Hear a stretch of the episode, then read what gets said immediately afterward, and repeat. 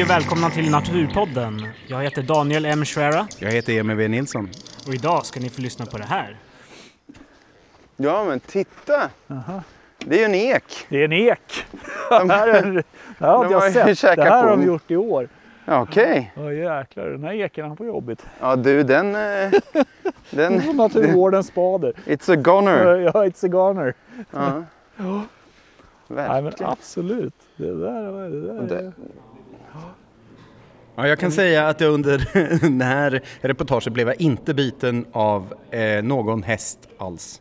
Vi är idag på Artdatabankens konferens, Flora och faunavårdskonferensen. Ja, här på SLU i Ultuna, Uppsala. Jag står precis bredvid aulan här. Och det som är spännande med det här är att här har det pratats rätt mycket om skog idag faktiskt.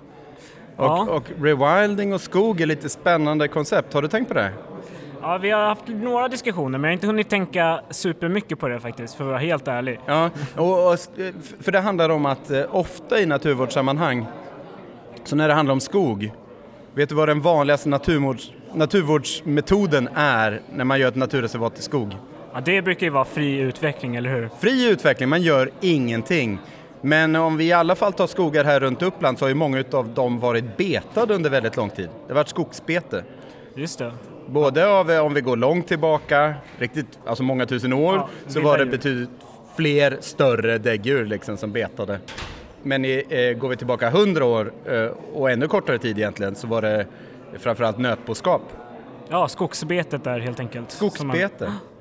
Och då var ju skogarna öppnare. Man, ja, de blev det för att de blev uppätna? De, Eller? de blev liksom betade. Ja, precis. Ja. Så att ehm, det pratas det egentligen inte om idag. Så vi ska lyssna lite mer här på reportaget eh, när jag hänger med Kalle Thulin ut och eh, jag blir inte biten av en häst. Betad heter det. Så jag är ute i SLU vid Veterinärmedicinskt och husdjursvetenskapligt centrum för att leta efter Kalle Thulin. Yes, jag tänkte jag skulle sätta en, en bandare på dig. Spännande. Så Så everything you say can and will be used damn sure against- will. Härligt, härligt. Så det här barnens socka är för att eh, micken inte ska hoppa ur. Ja, just det. Då lägger vi den där. Så, Vi kör! yes. Ut i hagen. Hästhagen. Och då sitter jag här i Carl Gustav Thulin, Kalle Thulins bil. Absolut. Och jag tänkte så här. Jag tänkte att vi skulle liksom prata lite om rewilding Uppland. För visst är det lite det? Ja, det är det absolut. Ja. Det är Så- Wilding Uppland det handlar om. Så vad, vad, är det, vad är det vi ska göra egentligen? Ja, egentligen så ska vi åka ut och ha daglig tillsyn i våra hästhagar. Ja. Eh, och det är ju någonting som vi måste så att säga, göra för att uppfylla lagens krav om att hålla djur och i synnerhet försöksdjur. Då, då. Eller inte i synnerhet, alla djur. Ja. Eh, och då ska vi ut och så ska vi titta så att de mår bra och sen så ska vi ge dem vatten. Och det är hästar säger du, men vad, vad, vad har det med rewilding att göra? Är det en Ja, ridskola? det, det är på sätt och vis pretty far from. Ja. Eh, nej, det är, inte, det är egentligen inte rewilding, men det, det finns, i grunden finns det ett, ett intresse för eh, vilka ekosystemfunktioner som den numera utdöda vildhästen hade. Och den är som utdöd så man kan inte göra försök med den direkt. Så då, då satt vi och grunnade över det här på en lunch här på Ultuna och kom fram till att eh, vi har ju Gotlandsruss och de har ju gått som vild, vilda. De har gått på lösdrift på Gotland ända fram till 30-talet. Ja. 1930-talet. Och de Och- går fortfarande på Lojsta High? De går fortfarande på Lojsta men de är, de är numera inhägnade då sedan 30-talet. Ja. Nej, men vad var vi? Gotland 5000 år sedan, spår av häst. Förmodligen då eh, någon form av förfader till eh, Gotlandsrusset kan man tänka. Eh, och vad vi tänker oss då är att den hästen var ju relativt sett lite domesticerad även om det kanske var en tamhäst eller förmodligen var en tamhäst.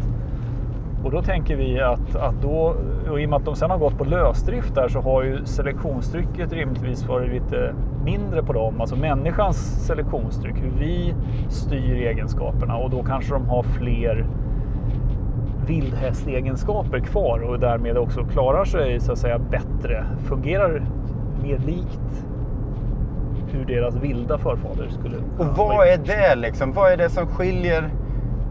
vad är det du vill åt här som skiljer det från, från en vanlig häst i en vanlig ja, hage? nej, precis. Vad jag vill åt här är ju att, att, att eh, eller vi, vi är flera om det här.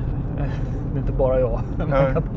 Men, eh, vad jag vill åt är eh, att, att hitta en häst som fungerar som en modell för den funktion i landskapet som vildhästen möjligtvis hade då. Om man skulle applicera det här i den praktiska naturvården, hur, hur, hur tror du det? Om man får liksom Ja, vara lite våran, wild? våran tanke då liksom är ju, om man, får vara lite wild och det är jag ju alldeles wild.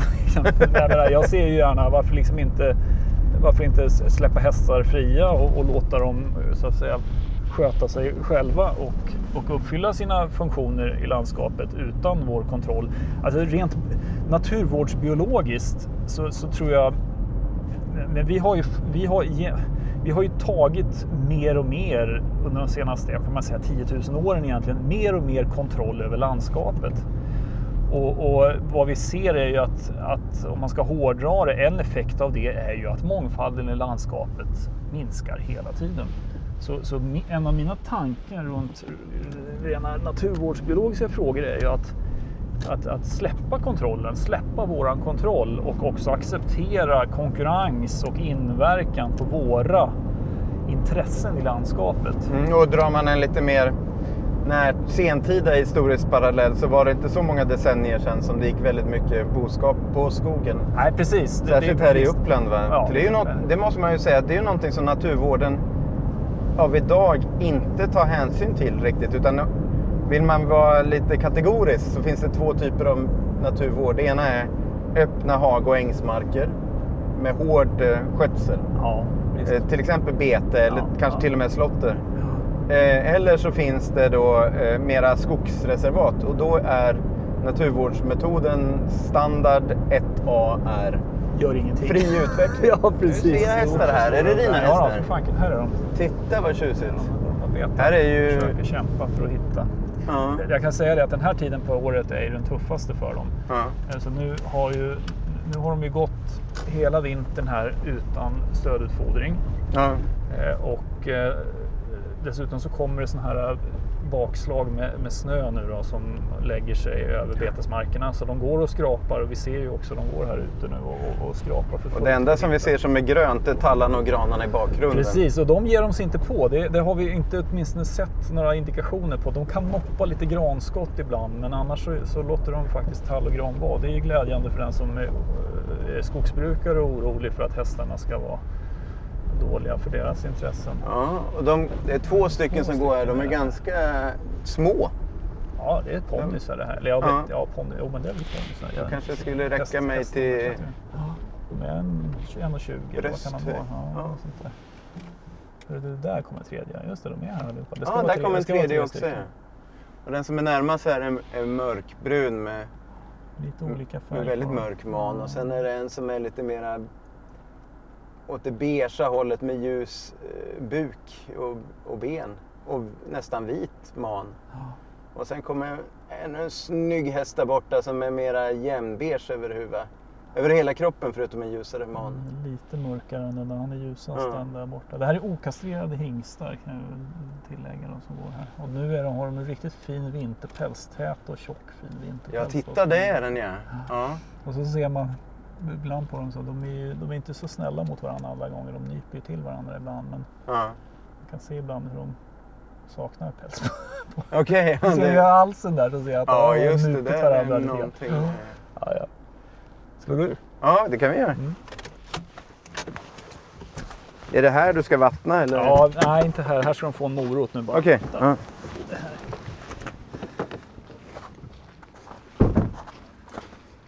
Det här ska ju vara som vildhästar men, men rutinen är sådan att, eh, att de får en liten bit morot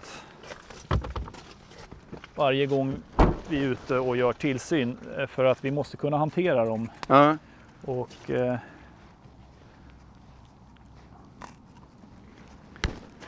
och Så det är måste för att vi- de ska måste- vilja ja, komma fram de vill och- komma och vi, måste, vi, vi gör ju så här, vi väger och mäter de här en gång i veckan och så har vi daglig tillsyn eh, på dem. Ja. Så att, ehm, Och det är för att man vet inte riktigt hur de klarar sig.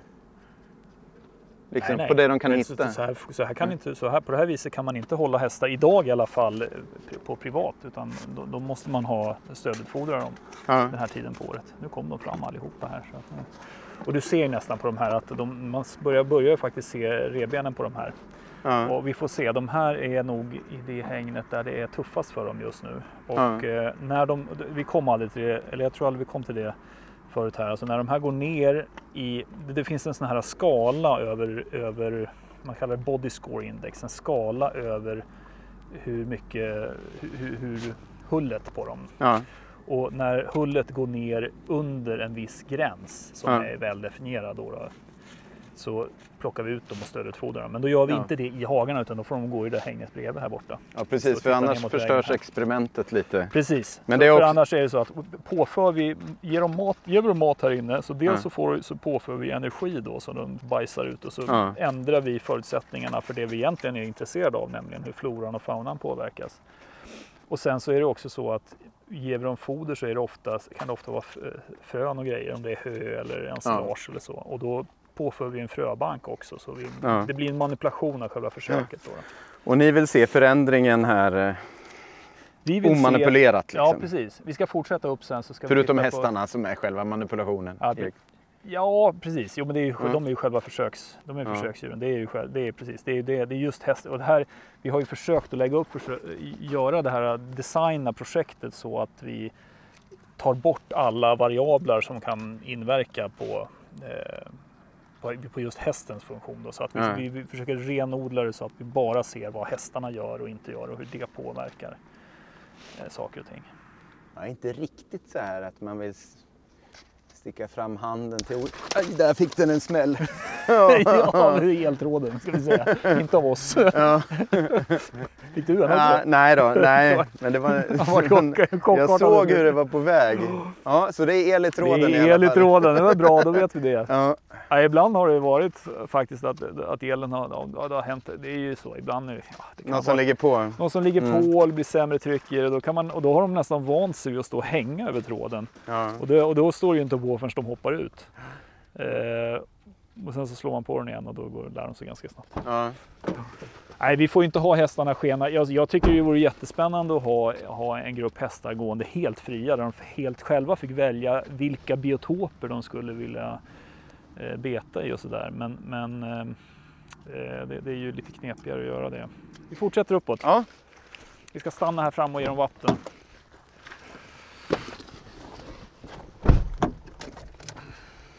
Nej, Vi har ju skickat ut, har skick, vi, vi har skickat ut eh, Danny och Johanna ut i florarna. Jaha, Där de har varit och sökt lite efter vildmarken i Uppland. Vad tror du om man skulle stängsla in hela Florarnas naturreservat och släppa ut eh, hästar? Då är det 5000 hektar. Ja, det vore ju jättespännande. Det finns ju Ja. några sådana här försök nere i... Dels finns det ju försök i östra Europa där man har eh, släppt hästar precis som det jag Är det om. Bulgarien någonstans? Ja, Bulgarien, Rumänien. Ja, för det är inte bara du som har de här vilda idéerna utan det är ju... Nej, nej, det, det är det inte. Vad heter han? Staffan Widstrand? absolut, är väl, är absolut. naturfotografen ja, är Staffan väldigt Widstrand engagerad. har varit med och startat ett, ett stort sånt här äh, projekt som heter Rewilding Europe och han är fortfarande involverad i det. Eh, och det är ju sånt här, det, då, då, det handlar ju om att bygga upp eh, deras fall så att säga na- naturturism, ekoturism Ja. kopplat runt just upplevelser så här. Då handlar det mycket om vicenter och vildhästar. Va? Ja, absolut. Är det den här Prislevalskis eller vad den heter? Ja, just det, Privatskis häst. Prevalskis. Det, det är den enda. Det, det är ju också en vildhäst fast den är mera, det är inte en, en, det är mer en öppen landskapshäst som är från stepp, Mellanösterns stepplandskap. Ja. Och, men, men de som de släpper ut i, i östra Europa Det är ju det är typ ponnysar.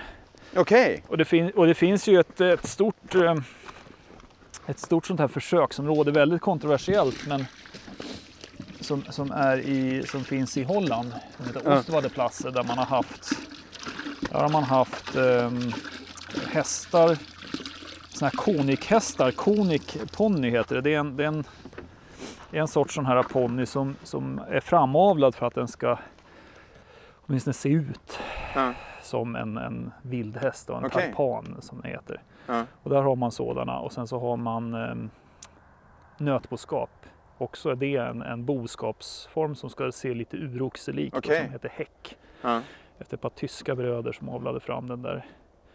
Och sen så har man kronhjortar Okej. på ett 6000 kvadratmeter, eh, 6000 hektar stort eh, område. Ja, då är det bara lite större än flororna. Det är lite större flora. Ja men det är så, ja, visst. Sen Kanske- kanske är ju våtmark. Nej precis, fast det är kust, det är kust. Vi ska tillbaka igen. Så Ja. Man ser här på hovarna att det är ganska små hästar. Det är inga jättehästar. Men det är väl också det, alltså hästar har ju tyvärr då ett dåligt rykte som, så, ur ett landskapsperspektiv. Ja, naturvårdsbetare, då brukar man vilja ha nötboskap. Ja, och då, Hästar gör toaletter och ja precis. håller på. Och, och, Och sen då, betar de ju inte där de har bajsat. nej. Liksom. Eh, det, och det är ju, så det finns ju sådana sidor. Och sen så är det ju det här också att, att stora hästar eh, får ju väldigt högt, alltså de trampar ner väldigt mycket. Ja. Och det, blir, det är stora djur. Ja. En, även en stor kossa har ju två klövar liksom, som den Mm. laborerar lite mer, blir lite finare i, i kontakten med trycket på marken. Jo, man använder ganska ofta ganska tunga köttraser i naturvård. Ja. Eh, Charolais och... Men, men jag tror en, en, en av de främsta orsakerna till att hästen har dåligt rykte är att hästar ofta går i alldeles för små foller. Ja. De ska ut på sådana här marker. Det ska upp stora hagar. Det, det, det är en sak som vi hoppas med det, på med det här, att vi ska, att vi ska, ska entusiasmera en, en ny typ av hästhållning där man har eh, mindre hästar på stora geografiska ytor. Just det, så det kan gå åt båda hållen där. Dels befintliga, ni vill inspirera befintliga hästägare till att ha större Jag kanske har större, precis. För Men, blir men det finns också mindre. den här Ja, ja. rewilding-tanken Jo då, i andra änden. Liksom. Ja, och, min, och det här med, jag, jag, brukar, alltså jag brukar bara resonera så enkelt att, att eh, om det nu, det gick tydligen jäkligt bra att utrota de här arterna en gång i tiden. Ja. Men när man föreslår att man ska släppa kontrollen och så att säga, förvilda dem igen, Ja. då, då, då, då kan man ses med, då, då tycker folk att man är konstig. Men Men, vet- liksom, vad, är, liksom, vad är det konstiga med det? Det är precis, det, det kanske är vår jäkla skyldighet Ja. och förvilda hästar, att återföra hästens Men funktion landskapet. mannaminnet är 20 år och det var kanske Ja, knappt 50-60 år sedan lite drygt som, som det fortfarande Gick fanns. på lösdrift ja. ja. Jo då. Det, det, jo, och det, men det, och det är också en annan sak då. Att, att för, alltså för 100 år sedan så, så hade vi kanske, finns en uppskattning om 6 miljoner tamdjur på lösdrift i Sverige. Ja. Ute i skogen, överallt. Man hägnade ut djuren från åkrar där man försökte producera Ja. säd. då. Så det var fullt med kossor och hästar och grisar och får och getter och allt möjligt ute i skogarna. Norge kallar man det fortfarande för utmark, för ja, deras får Ja, det gör man ju. som de har. Och där kommer ju då till andra utmaningar, inte minst när det gäller våra, våra, våra köttätande kamrater Ja. som har ett Jo, det, det finns ju flera liksom, sidor och eh, utmaningar. Det är också... Den situation som var för 100 år sedan i Sverige var ju också ganska unik. Ja, precis, när det fanns fanns inga, ganska inga rovdjur alls i princip. Nej, ett tag fanns det ju i princip inga rovdjur. Eh, Och det fanns ju inga klövdjur heller. Nej, alltså, historien är ju först försvann vilda, klöv- vilda klövdjur. Först försvann de vilda klövdjuren och då tog, slog man ju undan benen för, för, alltså för födoresursen för de stora rovdjuren. Ja. Och, och därefter satte ju, och då naturligtvis började de käka mer på tamdjuren Ja. och då satte man igång hetsjakten på rovdjuren. Och eh, den tog ju inte slut förrän sista december 1965 när vi fridlyste vargen och gick från, från skottpeng till fridlysning, till fridlysning på över en natt. Ja, ja. Det, var ju, det är lite intressant. Och då hade vi i princip inga vargar kvar. Det fanns väl ja, lite... det har ju en annan historia jämfört med lodjuret tror jag fredades betydligt tidigare. Det, det, både den och björnen fredades tidigare men just vargen var det ju skottpeng på ända fram tills mm. 60-65 då. Nu vattnar Kalle här mer. Ja, vi har ju tre sådana här. Mm. Nu ser jag att det är en liten isskorpa på, den måste man ju bryta upp. Så jag häller på varmvatten här ja. nu för att, för att... Annars har vi automatiserat vatten, men det går ju inte på sommaren för vi har ju inte, inte värmekablar som ligger i. Nej. Men eh, de dricker inte mer alltså? Det här är inte så himla mycket vatten. De dricker inte här överhuvudtaget. De dricker inte? Det- Nej, det här men är det, det här bara- är något som ni Det måste det här är något göra. vi måste göra, Mm. men de dricker på andra ställen. Så de är inte här, de bryr sig inte ett dugg om det här. Nej, för jag har det här är bara ett vattnat- spel för galleriet om man nu säger så. Jag har vattnat får och kor och då, då, då är det ju rejält med vatten man häller på. Ja, det är ju, Ja, alltså, vi anpassar ju det efter behovet, men du ser, de är Ja. inte där och dricker. De, de bryr Nej, sig inte de om det här. Ja, ja, de har vatten, vatten. På, de har vatten i Ja. landskapet, de hittar det. Vi är på väg mot en speciell uthägnad här, där jag tycker det syns väldigt tydligt. Vad... Det går ju inte att titta på blommor och grejer nu. Och inte än. inte riktigt än. Här går vi Vilket förbi inte är så en sån här eh, uthägnad del. Man ser att det Det är, de är fem meter breda Ja. och det är då för att undvika det man kallar för kanteffekter, det vill säga Ja. där, där du får där man kan möjligtvis sträcka sig in och beta under staketet och sådär. ja. Sen så är de 20 meter långa och så är de centrerade över diket. Så att 20 meter ska gå in i skogen så vi ska kunna se vad som händer i skogsmiljön. ja, för det är dike i skogsbrynet. Precis, I, skogs, i kanten mellan det öppna fältet och skogen. Och Ja. sen så 20 meter ut på fältet för vi ska kunna se hur, de, hur, hur påverkan är då på, på de öppna ytorna.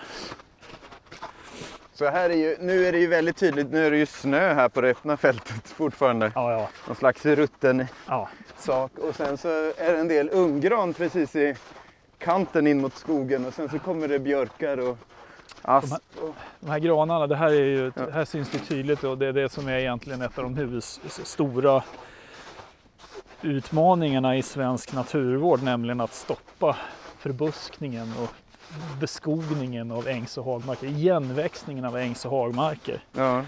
Och vi ser ett exempel på det här när tall och gran kryper ut, framförallt gran här. Ja, till skillnad från skogsnäringen så anser ju vi naturvårdsintresserade biologer att gran är ett av de största. Ja, vore- De, de är kanske- liksom, när granen kommer så är det slut Ja, under den. ja, ja. Det är liksom stopp, Det stopp. inser ju naturligtvis de i, skogs, i skogsnäringen också. Men, men eh, granen är ju ett väldigt, en väldigt härdig art. Eh, och den, den är också snabbväxande, den ger snabbt pengar och det är ekonomi som styr Och det finns väldigt fina granskogar. så En fin, en fin gran också. är en fin gran det med, men jag, Mm. jag instämmer fullständigt. Det är ju så att den, den stora grandominansen vi har i Sverige idag, det är en av våra riktigt stora eh, Rätt sak på rätt plats skulle man kunna säga. Så skulle man absolut kunna säga. Eh, Här har vi också en sån här eh, precis. uthägnad och här är det ju aspsly inne i den och sen är det lite aspsly sly utan, utanför. Och det påminner lite om det man kan se på en del eh, så här, hyggen och kraftledningsgator där älgarna har gått Ja, just det, det har gått mycket hjortdjur och betat. Ja. Och här ser vi ju verkligen hur, hur de betar ner asp, eh, i synnerhet aspslyn här då. då. Ja, de, gillar de det? Eller eh, är det Ja, så de- att nu det- finns det inte nej, så mycket nej, annat? det intressanta är att de, de, är nog, de är väl här lite året runt. Nu ser den, just den där såg ganska nybetad ut. Mm. De har liksom Kanske. slitit. De sliter av, de, de gör som hjortdjuren, de, Ja. de liksom sliter av. Vet, man ser ju skillnad på hare och rådjur, för haren har ju kliniskt, nästan Mm. som att gå fram med sekatörer. Mm. Eh, Rådjuren då mera river av så du får en frans. Och Men de gör inte som river av. älgarna att de går och... Det gör ju hästar på, i, i småhägn när de brukar de gnaga på bark och sånt. Det- Ja, det- och det är vi lite förvånade över att de inte har gjort särskilt mycket här Ja. vad vi kan se. Vi har sett det på några ställen men, men inte i den omfattning vi trodde. Vi tänkte ju oss att de kanske skulle börja ringbarka träd och så men det Ja. har de alltså inte gjort. Nej, okej. Däremot här, eller inte, ja de har, jag ska inte säga att de helt inte har gjort det. Vissa buskar, lite större, mindre träd har de varit på men men inte, du ser det står ju en del lövträd i kanten här och det Ja. har de inte rört alls. Ah, nu blir det spännande. Ja, men titta! Aha. Det är ju en ek. Det är en ek! De- det här, är, det här har inte de har jag sett. Det här har de gjort i år. Okej. Ja jäklar, den här eken han får jobbigt. Ja du, den... eh, Den från naturvårdens spader. it's a goner. Ja, it's a goner. Ja. Nej men absolut. Det där, det där Det- är... Man kan nästan eh, se att de kanske inte... Det blir inte så här snyggt som en älg Nej, precis. gör det. Det här är inte riktigt deras grej. Nej. Nej, Inte precis än i alla faktiskt. fall. Nej, inte, nej, de har nej, men det är ju inte det. Arter, alltså hästen som sådan är ju inte en, en, en grazer. Liksom. Älgen är ju det. Älgen Eh, lider- browser menar du? Ja, browser, Mm. förlåt. Ja. Men de, Buskätare alltså. ja, de sliter av barken och de sen här, de tuggar här, de jag tror de går från sidan och liksom drar av den Ja, lite det grann ser ut så. Ja. Ja. Jag tror att de älg och kron de går ju mer och drar liksom längs med hela. Ja. Ja, den här Ja, är faktiskt en ny. Det här är spännande. Men det är ju så att det är, ek är också träd och det är också sly. Så att, ja, Det här är en art som bidrar till att hålla landskapet öppet. Så då åker ju naturligtvis ekarna på däng också. Men det var spännande. Det är faktiskt, det, det där har inte jag sett förut. Nej. Så det är nytt. Det ska jag också dokumentera. Ja, det, Det här, har gillar inte gjort, ju. det här har de inte gjort förut, men när de börjar med det här Ja. Så har de ju fortsatt. De har Ja. ju varit konsekventa. Ja. Här, går de, här ser de att noppa lite grann. Ja. Och det finns ju massor av aspar i Nej, den där eken har de storleken ju- de kommer inte högre har, upp, va? Nej, nej precis. Det här tar de ju inte högre. Den här, den här, den här kan ju knappast klara sig alltså. Nej, det tror jag inte. Det Nej, där är ju... Det här blir död ved om något år eller två. Ja. Spännande.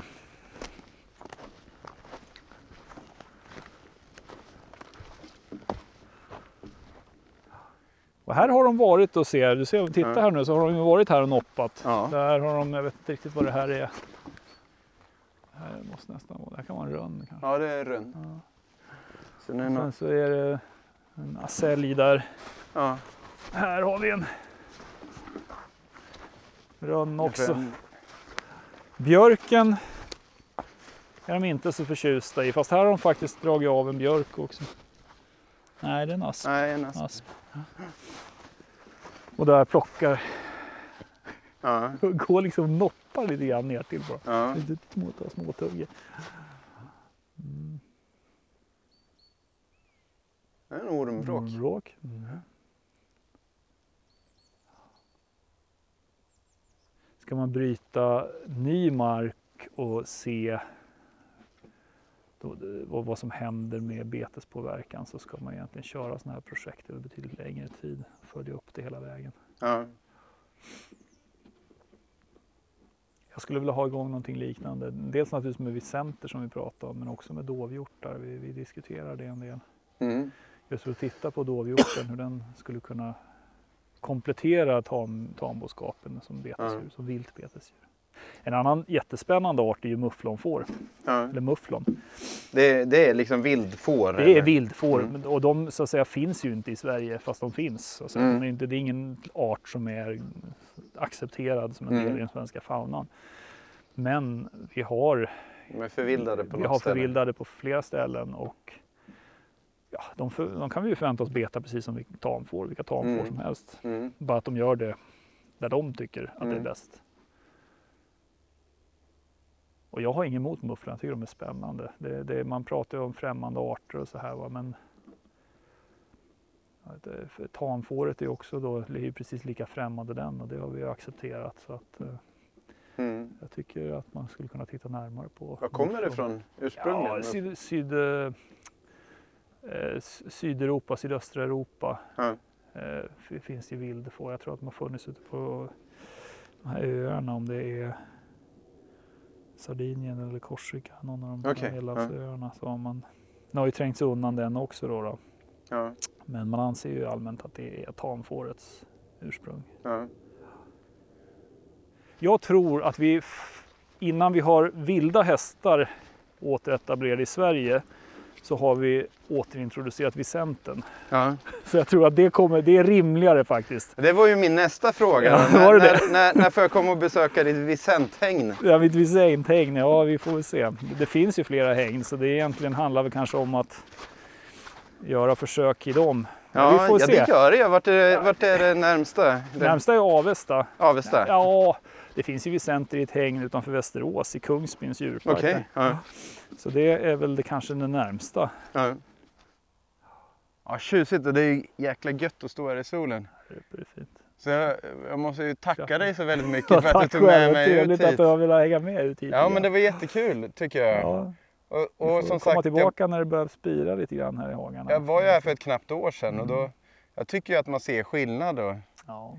Eh, och det är det, i det liksom allmänna intrycket, för något annat går ju inte att titta på. Jag minns att vi hade lite sandblotter där borta ja, i kanten. här ser du, och, de, och du har de här också. Ja, du ser det. en liten grop Ja. där va? och där har du en grop. De är, Ja. Den där är en meter, den är lite drygt en meter i diameter. Ehm. Så, från Gotlandsruss utanför Krusenberg till eh, Campus Ultuna här på SLU. Utanför aulan står jag tillsammans med Per Eriksson från eh, Upplandsstiftelsen. Eh, vad tror du Per? Tror du Gotlandsruss kan tillföra någonting eh, till den uppländska skogen? Ja, varför inte? Alltså, betande djur har ju funnits i år, miljoner om man säger så, och har säkert påverkat ekosystemet långt före innan människan gjorde det. Och alla de arter som vi har i det vi kallar för kulturlandskap idag är ju egentligen en produkt utav ett naturlandskap. Så de, kan de ändå överleva i sådana miljöer, eller trivs i sådana miljöer som är betespräglade. Och vi har haft vicenter och vi har haft noshörningar och mammutar och allt vad det är som har försvunnit efterhand och, men som ändå haft stor ekologisk betydelse på landskapet så att säga. Så ja, funkar det så det var intressant att se effekterna. Så vad tror du, ska, vi- ska vi stängsla in florarna eller båtfors eller någonting och släppa ut hästarna? Släpp hästarna fria. Ja, men stängsla in dem. Ja. Ytterområdena. Ja men visst, man kan ju prova över, över någon, något, det ska ju vara ett rätt stort område då som de skulle ströva omkring på tycker jag. Ja. Sen får man ju problem, har man ju rovdjursproblemen så att säga också, men det får man ju väga in i, det är ju, får man ju räkna med då att det blir. Ja, men man kanske ska kräma på och släppa ut visenter istället. Då, då, då är Vicenter vargarna vore- inte lika hårda på visenterna. har jag Nej, hört. absolut. Vicenter borde ju, tycker jag absolut man skulle prova på. Det håller man ju på med i övriga Europa, i Rumänien och vad jag vet i Centraleuropa på flera ställen släpper man ut. Så det är inte bara i Polen längre de finns. Ja. Så att det tycker jag, det vore väl värt ett försök. Jätteintressant. Vildren då? Ja, det passar jag på. Det vet jag inte. Den vet jag inte så mycket om, men eh, i, i fjällmiljö möjligen. Men vi har ju gott om tamren. Ja. Eh, håller du med mig om, om jag påstår att, att det vanligaste liksom, skötselmetoden i naturreservat i skog, det är fri utveckling? Och, Ja, så har det i varje fall varit i väldigt hög utsträckning. Nu har ju det vänt kan man väl säga, så det görs ju väldigt mycket får jag nog säga i, i många reservat ändå. Så att eh, det, det, det tycker jag det har hänt många bra saker och, och, och sen är det en avvägning så att säga. I, I vissa delar vill man ha, ska det vara fri utveckling och det är riktigt, för vi har brist på naturlig gammal skog så att säga då. Men eh, sen är det en massa andra, ja, det här med störning så att säga, inom ekologin är ju väldigt viktigt och det har vi haft svårt att hantera i reservat. Va? Eh, och det kan man kanske få i det brukade landskapet, en störningsregim som är bra, men vi måste även få in det i vissa reservat. Ja. Så, så är det ju. Och- vi måste restaurera miljöer, man måste ta bort en del miljöer som är onaturliga så att säga för att sedan eh, få in en naturlig succession till exempel i en skog, en lövskog och så vidare. ja, det är väldigt mycket gran nu för tiden, Ja, det är eller? det. Jo, men det är ju det. Den har ju blivit gynnad av skogsbruket och eh, viltbete och allt möjligt. Då. Ja. Så att det, det är en problematik. Men vad, vad, vad tror du? Tror du Gotlandsruss och, och, och kanske Vicent och kanske något annat djurslag skulle kunna komma in som eh, någonting som naturvården använder? För, för idag så, så har brand fått stor acceptans liksom. Eh, Ja, tror det borde ju inte vara svårare att ha Vicenter än att, än att arrangera skogsbränder så att säga. Det är ju ingen lätt sak heller och det Nej. håller vi på med faktiskt. Ja. Att, ja, absolut. Och vilken turistmagnet! Eller hur? Ja, Varför ska det vara eh, amerikansk bison när det finns europeisk? eller hur? Ja, vi kör på det. Du, du ska ha jättetack för pratstunden. Ja, tack. Och i nästa avsnitt av Naturpodden, då kommer vi få höra det här. Jag hör lo- ropande lodjur. Väldigt långt borta. Hoppas katten kommer närmare.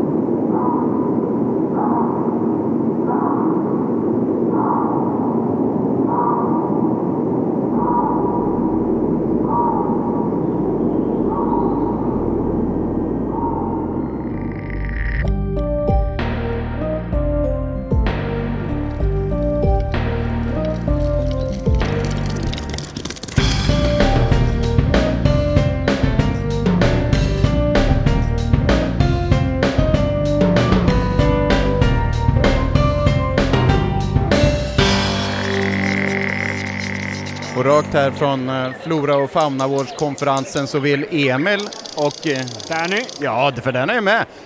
Eh, tacka Carl Gustaf Thulin så mycket för att vi fick följa med och titta på hans eh, jättefina Gotlandsruss.